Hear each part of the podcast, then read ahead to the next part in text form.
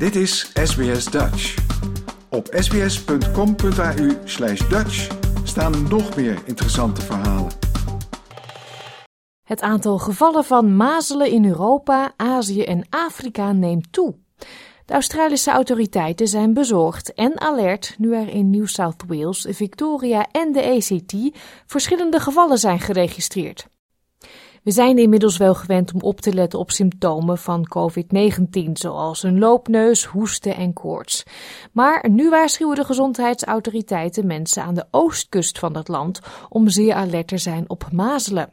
Er zijn tenminste drie gevallen van de zeer besmettelijke ziekte, die waarschijnlijk vanuit het buitenland is meegebracht, geregistreerd op locaties in Sydney, Melbourne, Brisbane en de ACT. De symptomen beginnen meestal als koorts, pijnlijke ogen en hoesten en ontwikkelen zich vervolgens tot een rode, vlekkerige uitslag die begint bij het hoofd en zich over het hele lichaam verspreidt. Dr. Christine Selvey is directeur overdraagbare ziekten bij New South Wales Health. Ze zegt dat mazelen een van de meest besmettelijke overdraagbare ziekten is die er bestaat. And it spreads through aerosols in the air. It's so infectious that uh, sometimes people have actually acquired measles from coming into the same room that a person with measles was two hours after the, left, the person with measles actually left the room.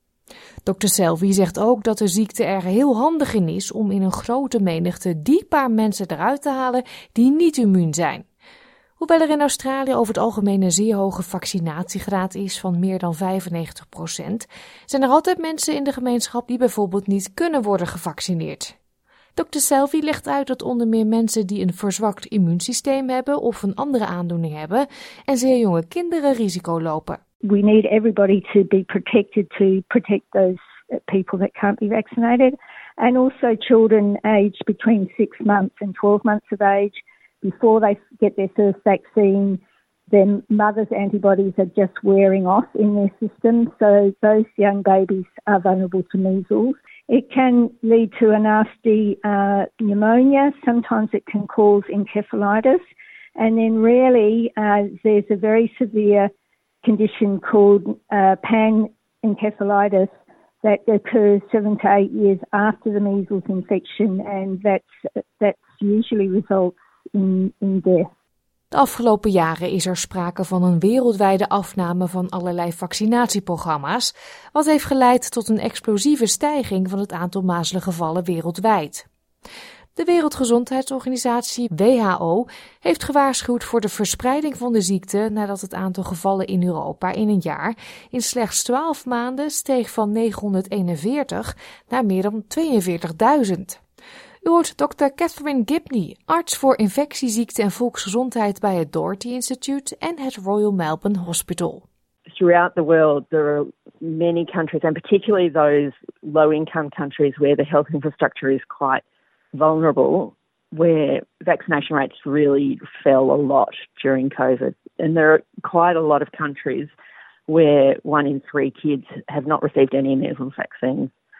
And some of those countries with high numbers of unvaccinated kids are places where there's quite a lot of travel between Australia and those countries, including India, Pakistan, Indonesia and the Philippines. In Australië wordt het gezamenlijke vaccin tegen mazelen, bof en rode hond gegeven in twee keer.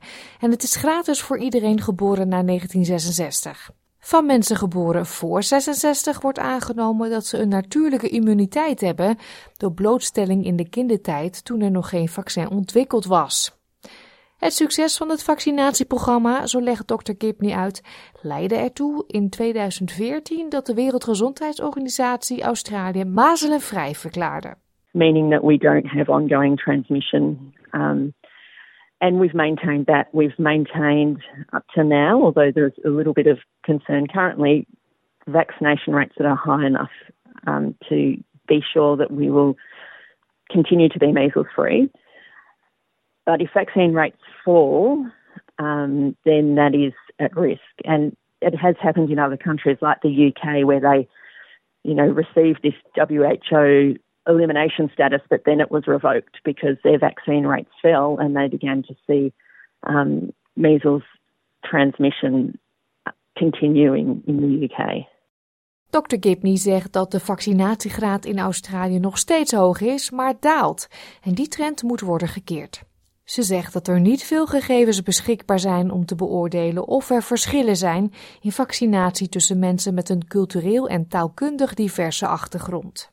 But we know from COVID that um, there is the risk that people in these communities are left behind in terms of not getting the information they need to have confidence in the vaccines available.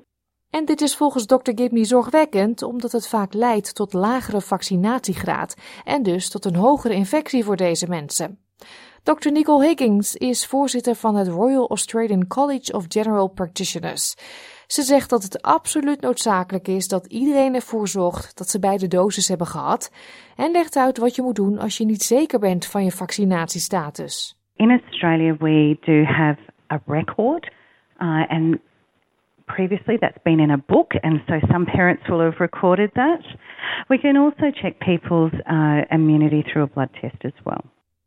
Dr. Higgins raadt mensen aan die twijfelen over hun vaccinatiegeschiedenis of bang zijn dat ze symptomen vertonen, hun huisarts te bezoeken.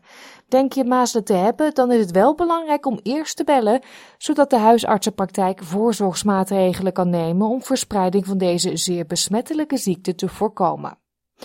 Dit verhaal werd gemaakt door Ruth McHugh Dillon voor SBS Nieuws en in het Nederlands vertaald door SBS Dutch. Wil je nog meer soortgelijke verhalen? Luister via Apple Podcasts, Google Podcasts, Spotify of waar je je podcasts dan ook vandaan haalt.